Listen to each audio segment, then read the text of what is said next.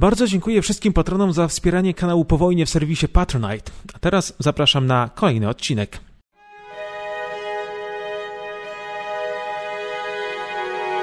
W ten świąteczny czas postanowiłem poruszyć temat wybitnie nieświąteczny.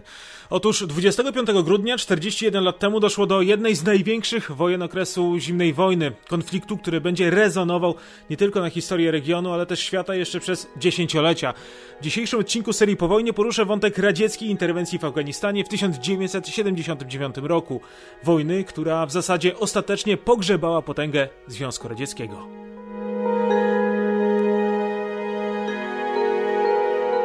Na wstępie jednak skupię się na przeszłości regionu, o którym będzie dzisiaj mowa. Początek afgańskiej państwowości datuje się na połowę XVIII wieku. To właśnie wtedy upadło perskie państwo, a na jej gruzach powstał m.in. Afganistan. Władcą tego nowego kraju obwieścił się wódz jednego z lokalnych klanów. Początkowo stolica mieściła się w Kandaharze, potem przeniosła się do Kabulu. Najważniejszym celem lokalnych władców tego młodego kraju było zachowanie jego jedności. Kulturowo składał się bowiem z różnych grup etnicznych. Tymczasem przez cały kolejny wiek region trapiły większe i mniejsze konflikty. Dochodziło m.in. do wojen z Wielką Brytanią, a także w 1885 roku z Rosją. Żadnemu z wymienionych państw nie udało się całkowicie podporządkować Afganistanu.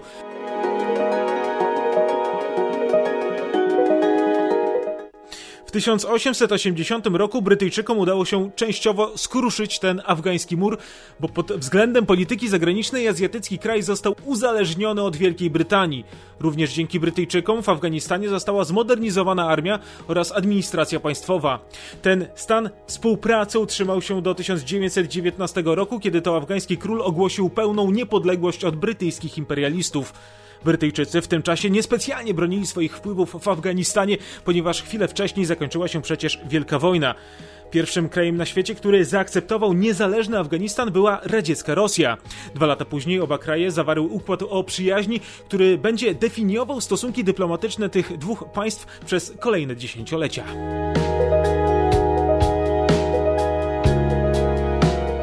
Podczas dwudziestolecia międzywojennego władze Afganistanu rozpoczęły modernizację państwa, m.in. ogłaszając konstytucję. Zmodernizowany został sposób pracy administracji państwowej. Jednocześnie przez duży odsetek konserwatystów w społeczeństwie nie było zgody na wprowadzenie reform społecznych, m.in. związanych z równouprawnieniem kobiet. W wyniku zamieszek spalony został m.in. pałac królewski w Jalalabadzie, a ówczesny przywódca kraju musiał uciekać do Włoch.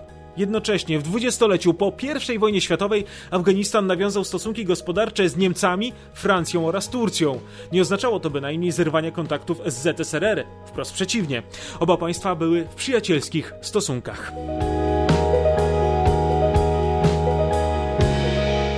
Symbolem doskonałych relacji między radziecką Rosją a Afganistanem była wizyta w Kabulu już po wojnie w 1955 roku Nikity Chruszczowa. Towarzyszył mu wówczas premier ZSRR Nikołaj Bułganin. Te kontakty nie ograniczały się jedynie do uprzejmości i słów rzucanych na wiatr. Związek Radziecki dozbrajał i szkolił afgańską armię.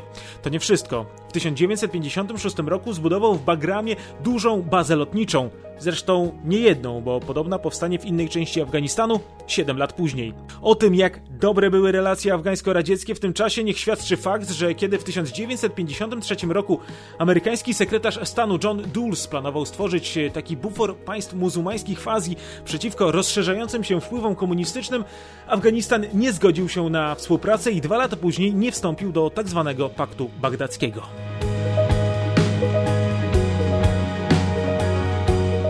W latach 60. to, co nie udało się 30 lat wcześniej, stało się realne.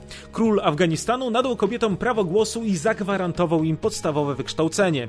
Kobiety mogły też uczęszczać na studia. Kobieta została delegatem Afganistanu na forum ONZ.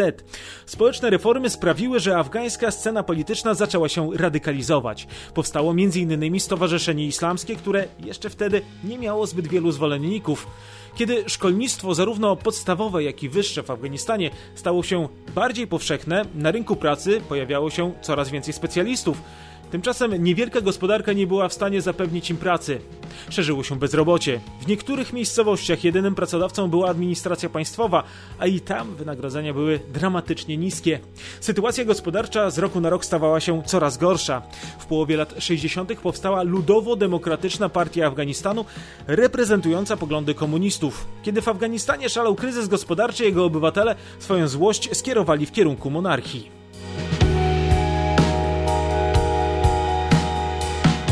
Największe niezadowolenie było na wsiach, gdzie w większości mieszkały osoby o konserwatywnych poglądach. Niekoniecznie rozumiały one sensowność wprowadzanych reform, jednocześnie mając coraz mniej pieniędzy. W dodatku na początku lat 70. w kraju panowała susza. Z głodu zmarło 80 tysięcy ludzi. Stan gospodarczego załamania wykorzystała grupa młodych wojskowych, którzy w lipcu 73 roku przejęli władzę. Monarchia upadła, narodziła się republika. Prezydentem, szefem rządu i ministrem obrony narodowej został Daud Khan z umiarkowanej frakcji komunistów. Ta sytuacja nie naprawiła jednak starych problemów. Młoda republika była stale trapiona kryzysami wewnętrznymi. Do głosu zaczęły dochodzić skrajne frakcje, czyli radykalni komuniści i islamiści. Ci drudzy, wspierani przez Pakistan, zapoczątkowali serię powstań, które ostatecznie zostały jednak stłumione. Ich przywódcy zostali albo straceni, albo uwięzieni, albo uciekli do Pakistanu, gdzie uczyli się prowadzenia wojny od pakistańskich służb. To właśnie tam szkolili się mujahedini. W dodatku Daud zacieśniał współpracę z krajami muzułmańskimi, odstawiając nieco na boczny tor kontakty z ZSRR. Kreml obawiał się utraty wpływów. W dodatku w 1977 roku walne zgromadzenie Afganistanu wprowadziło prezydencką formę rządów i system jednopartyjny. Wszelka opozycja była tłumiona.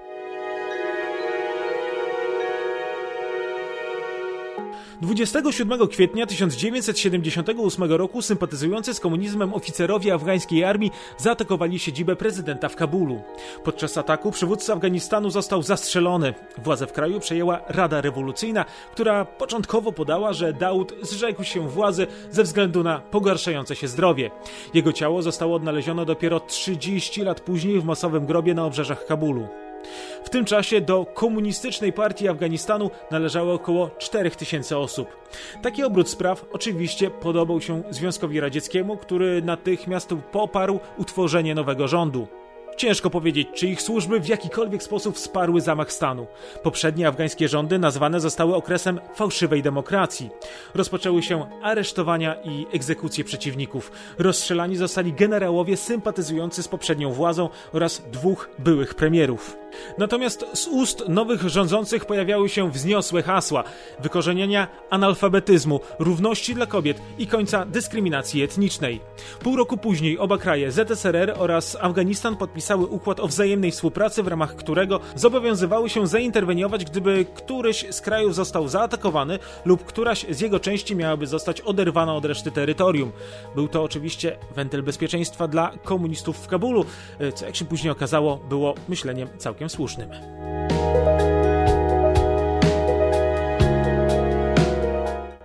A wrogów ówczesny rząd miał całkiem wielu. Przede wszystkim mujahedini byli przeciwni ateizacji kraju i wprowadzeniu radykalnych reform społecznych.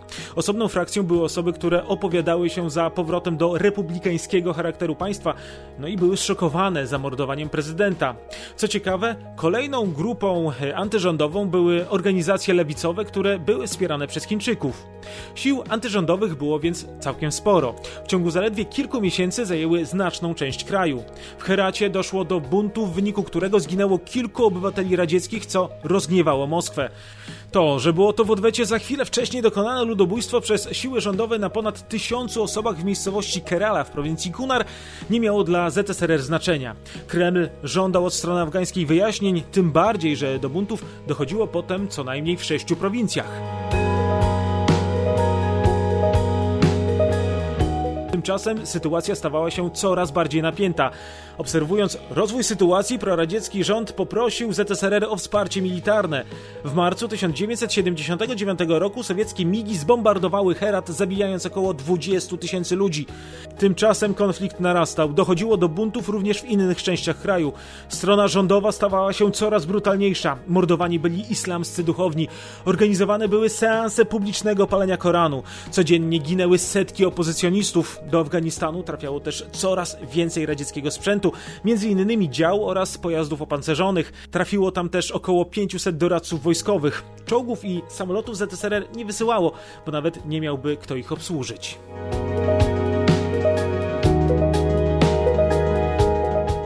Narastające napięcie wewnątrz kraju znalazło swoje odzwierciedlenie również w rządzie.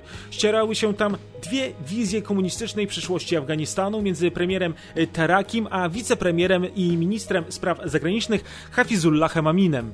Ostatecznie wyścig o fotel przywódcy kraju wygrał ten drugi, zlecając zabójstwo swojego konkurenta.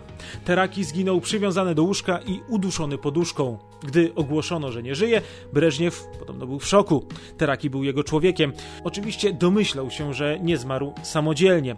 Tymczasem nowy przywódca Amin starał się być bardziej spolegliwy w stosunku do islamistów. Jego rząd inwestował w odbudowę meczetów. Obiecał wolność wyznania. Opublikował też listę 12 tysięcy zamordowanych osób związanych z opozycją. Całkowitą winą został za to obarczony oczywiście poprzedni premier. Moskwa z uwagą obserwowała rozwój sytuacji. Jej cierpliwość skończyła się wraz z tym, jak Amin zaczął mieszać w polityce zagranicznej. Prezydent szukał porozumienia ze Stanami Zjednoczonymi oraz państwami muzułmańskimi Iranem i Pakistanem. W tym czasie KGB zaczęło go nawet podejrzewać o współpracę z CIA.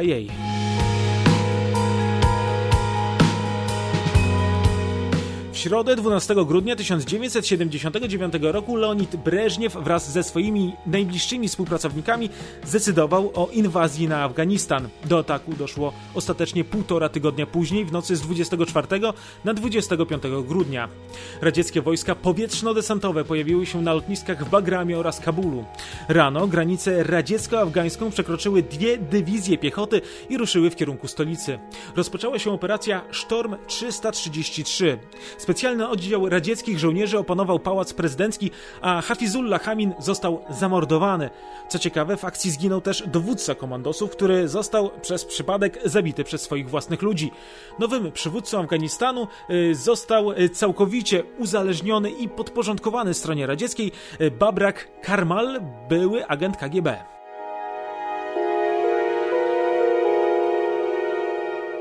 Radzieccy strategzy twierdzili, że będzie to wojna błyskawiczna. Uważali, że duże siły militarne przerzucone do Afganistanu odstraszą potencjalnych przeciwników nowego proradzieckiego rządu. Po stronie radzieckiej oprócz Rosjan walczyło wielu Ukraińców, Białorusinów oraz Uzbeków. Pierwszą dużą ofensywę radzieckie wojska przeprowadziły w kierunku granicy z Pakistanem. To właśnie stamtąd mujahedini mieli największe wsparcie. W prowincji Kunar doszło do poważnych starć, w których obie strony odniosły całkiem spore straty. W tym czasie w Kabulu doszło do protestów. Aby je stłumić, radziecka armia ruszyła w kierunku stolicy oraz do zachodniej części kraju. W zamyśle radzieckich generałów najważniejsze było w tym momencie stworzenie bezpiecznych stref wokół największych afgańskich miast, takich jak Kabul, Kandahar czy Gulbahar, a także zabezpieczenie dróg. Jak się później okaże, będzie to bardziej myślenie życzeniowe niż realne, bo ze względu na partyzancki charakter walk zabezpieczenie szlaków komunikacyjnych stało się w zasadzie niemożliwe. 40. Armia, nazywana wówczas ograniczonym kontyngentem wojsk radzieckich, zdecydowała się odesłać do ZSRR ciężki sprzęt, który był w takiej sytuacji całkowicie nieprzydatny.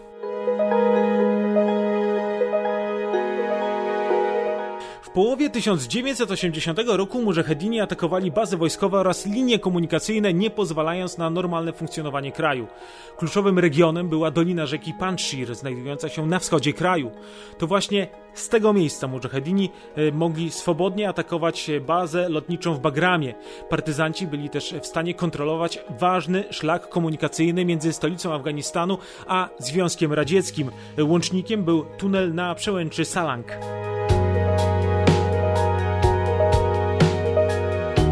Radzieccy dowódcy doskonale zdawali sobie sprawę, że Dolina jest kluczem do przejęcia inicjatywy w regionie. Walki trwały tam już w połowie 80 roku. Na przełomie czerwca i lipca radzieckie samoloty zbombardowały wsie w dolnym biegu rzeki. Dwa miesiące później doszło do pierwszej dużej radzieckiej ofensywy w tej części Afganistanu. Starcia trwały trzy tygodnie. Górą okazali się partyzanci, którzy stracili zaledwie 20 osób. Co prawda Sowieci zniszczyli okoliczne wsie, ale jednocześnie zginęło ponad tysiąc radzieckich żołnierzy oraz zniszczonych zostało 35 pojazdów pancernych. Kolejne akcje zaczepne wojska radzieckie przeprowadziły jesienią. Te również nie osiągnęły oczekiwanych rezultatów.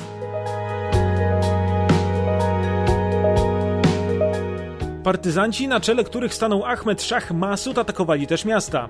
W 1981 roku zaatakowali m.in. Gulbahar oraz Charikar, co spotkało się z radziecką kontrofensywą i utworzeniem w dolinie Panjshir posterunku, który miał zapewnić spokój w regionie. Tymczasem stało się inaczej. Nadal dochodziło do ostrzeliwania bazy lotniczej w Bagramie. Podobnie jak poprzednio wojska radzieckie ponownie skierowały swoje siły w rejon Doliny, aby spacyfikować partyzantów, zajmując kolejne wioski. Tym razem armia ZSRR była bardziej zdeterminowana. W 1982 roku zamordowała około tysiąca mujahedinów oraz mieszkańców tego regionu. Doszło do serii aresztowań. Mężczyźni byli przymusowo wcielani do rządowej armii.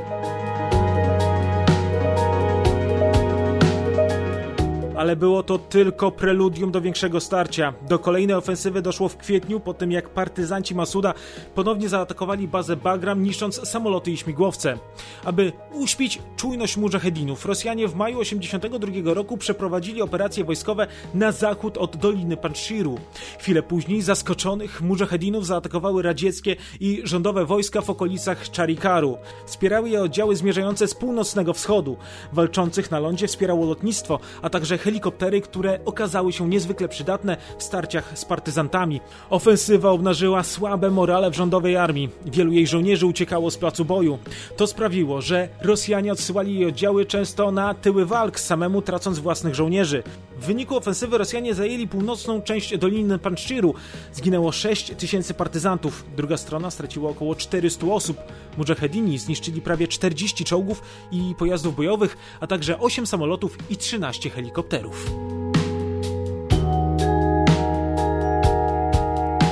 Mujahedinom pomagali Amerykanie. CIA dostarczało im m.in. naprowadzane na podczerwień rakiety Stinger, które pozwalały niszczyć helikoptery.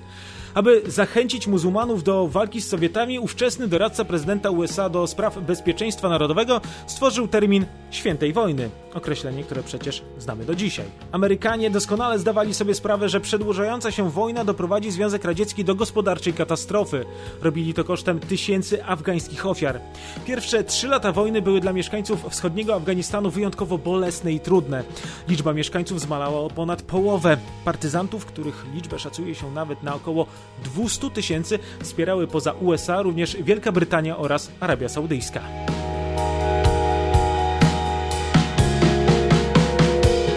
Po ofensywie 1982 roku większość radzieckich wojsk powróciło do Kabulu oraz Bagramu.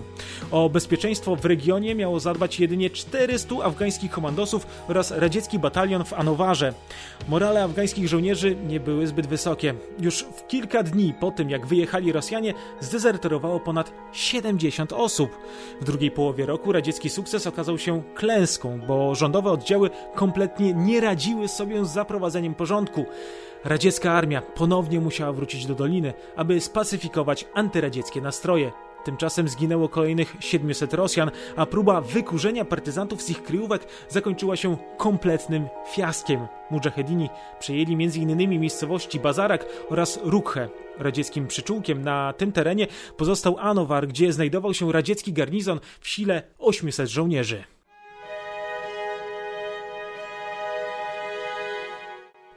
Strona radziecka w tej sytuacji podpisała z Masudem Rozejm do końca 1983 roku. Spokój w tej części Afganistanu nie trwał jednak długo. Niemal natychmiast po zawieszeniu broni partyzanci ponownie zaczęli nękać stronę radziecką i ostrzeliwać konwoje w tunelu Salang. Radziecka armia kolejny raz musiała interweniować. Do bazy lotniczej w Bagramie zostały sprowadzone samoloty szturmowe Su-25. Z Białorusi oraz Estonii w rejon granicy z Afganistanem zostały przetransportowane bombowce. To oznaczało wojnę totalną, dużo bardziej krwawą i nastawioną na wyniszczenie przeciwnika. Nowa operacja nosiła kryptonim Panshir 84. Zmasowane uderzenie miało nastąpić zarówno z ziemi, jak i z powietrza. Łącznie siły rządowe i radzieckie liczyły około 20 tysięcy żołnierzy. Druga strona dysponowała siłą niecałych 5 tysięcy. W ramach akcji spacyfikowane miały zostać również okolice granicy z Pakistanem. Tyle, że do walk wcale nie musiało dojść. 18 kwietnia radzieccy oficerowie zaproponowali Masudowi podczas spotkania w Bazaraku układ. Panshir otrzyma autonomię w zamian za zaprzestanie ataków na radzieckie konwoje. Przywódca partyzantów zdecydowanie odmówił.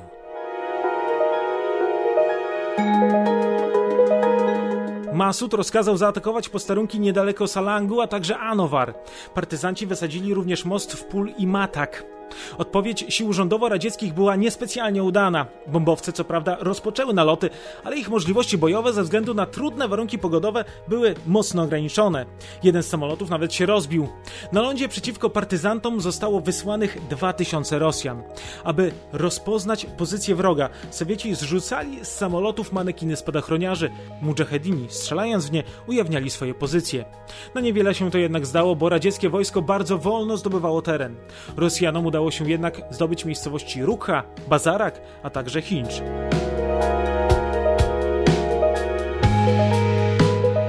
Kolejna ofensywa była kompletną porażką. Ponad 900 żołnierzy z armii rządowej zdecydowało się zdezerterować i dołączyć do przeciwnika. To był nóż w plecy dla sił atakujących rejony zajęte przez partyzantów. Rosjanie stracili ponad 500 żołnierzy. Dochodziło do kuriozalnych sytuacji, gdy radzieckie lotnictwo ostrzeliwało własnych żołnierzy. Wielu z nich zginęło. Jednocześnie radziecka propaganda przekonywała, że ofensywa zakończyła się sukcesem. Przeciwnicy przecież ponownie musieli schować się do swoich kryjówek, tyle że co z tego, skoro radzieckie konwoje nadal były atakowane i ostrzeliwane. Kolejny raz Masud odmówił rozejmu.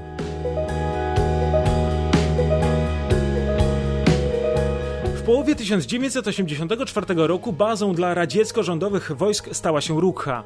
Powstał tam m.in. szpital polowy, przerzucony został też oddział saperów oraz pododdział artylerii. Oznaczało to silną koncentrację radzieckich wojsk w tym rejonie. Chodziło o to, aby nie pozwolić, aby w dolinie Panshiru mujahedini ponownie przejęli inicjatywę. W tym czasie stacjonowało tam ponad 12 tysięcy wojsk prorządowych. Do końca roku doszło jeszcze do kilku starć, które doprowadziły do tego, że Rosjanie musieli się wycofać z północnej części doliny. 26 grudnia partyzanci ponownie ostrzelali bazę w Bagramie, niszcząc 12 helikopterów.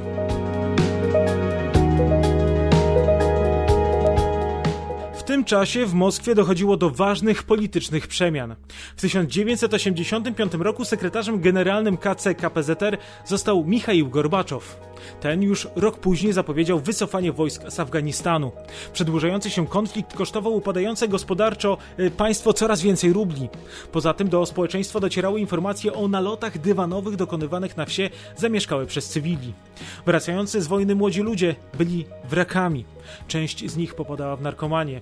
Z roku na rok radziecka armia traciła zaufanie w społeczeństwie. Szczególnie głośno komentowana była zbrodnia dokonana na ludności cywilnej we wsi y, Padchwap i Szana, gdzie Rosjanie zamordowali ponad 100 osób.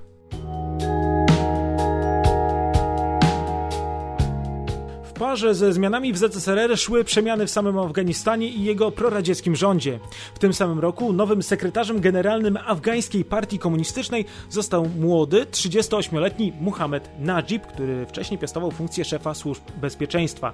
Rok później został prezydentem. Afganistan zmienił wówczas swoją nazwę z Demokratycznej Republiki Afganistanu na Republikę Afganistanu. Podczas tych politycznych przemian na froncie afgańskiej wojny walki polegały na obustronnych operacjach zaczepnych, które nie przynosiły żadnego rezultatu.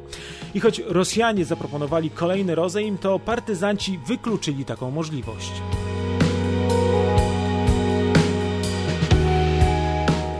W lutym 1988 roku Michał Gorbaczow zapowiedział wycofanie 40. armii z Afganistanu w ciągu 10 miesięcy. W kwietniu w Genewie ZSRR oraz USA, także Afganistan i Pakistan podpisały porozumienie, w ramach którego zdecydowano, że co czwarty radziecki żołnierz opuści Afganistan do końca maja. Kolejnych 50% już w sierpniu. Ostatni radziecki żołnierz miał wyjechać z Afganistanu w połowie lutego 1989 roku. Polityczne porozumienia nie mogły nie wpłynąć na sytuację na froncie. Partyzanci osiągali coraz więcej sukcesów. Pod koniec maja siły rządowe oraz radzieckie oddziały wycofały się z Ruki oraz Sanowaru. Mujahedini po raz pierwszy od 1984 roku odbili całą dolinę z rąk prorządowych wojsk. Chwilę wcześniej stworzyli rząd tymczasowy, na czele którego stanął Ahmed Shah.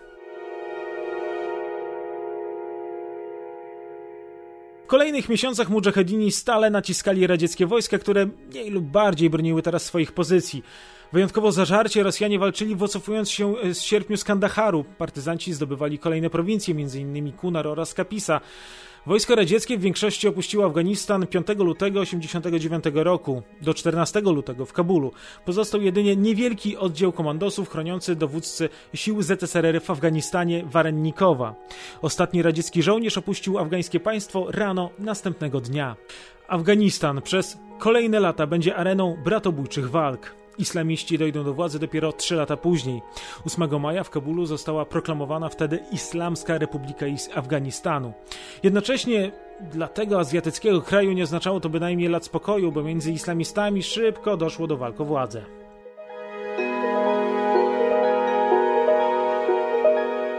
W wyniku wojny zginęło lub zmarło z różnych przyczyn ponad milion obywateli tego azjatyckiego kraju. W tym czasie mieszkało w nim około 13 milionów, co pokazuje skalę tragedii, jaka spotkała to państwo w latach 80. Ponad 3 miliony Afgańczyków uciekło z kraju, głównie do Pakistanu oraz Iranu. Strona radziecka straciła prawie 15 tysięcy żołnierzy, prawie pół miliona zostało rannych. Partyzanci zniszczyli 150 czołgów i ponad setkę samolotów. Konflikt, tak jak przewidział Brzeziński, był gwoździem do trumny Związku Radzieckiego. Wojna kosztowała ZSRR ponad 100 miliardów dolarów. O tym, jak trudnym przeciwnikiem na swoim terenie są Afgańczycy, przekonają się kilka lat później również Amerykanie, ale to już historia na inny odcinek serii po wojnie. To tyle na dzisiaj. Wesołych świąt! Dziękuję za uwagę. Zachęcam do subskrybowania kanału. Do usłyszenia.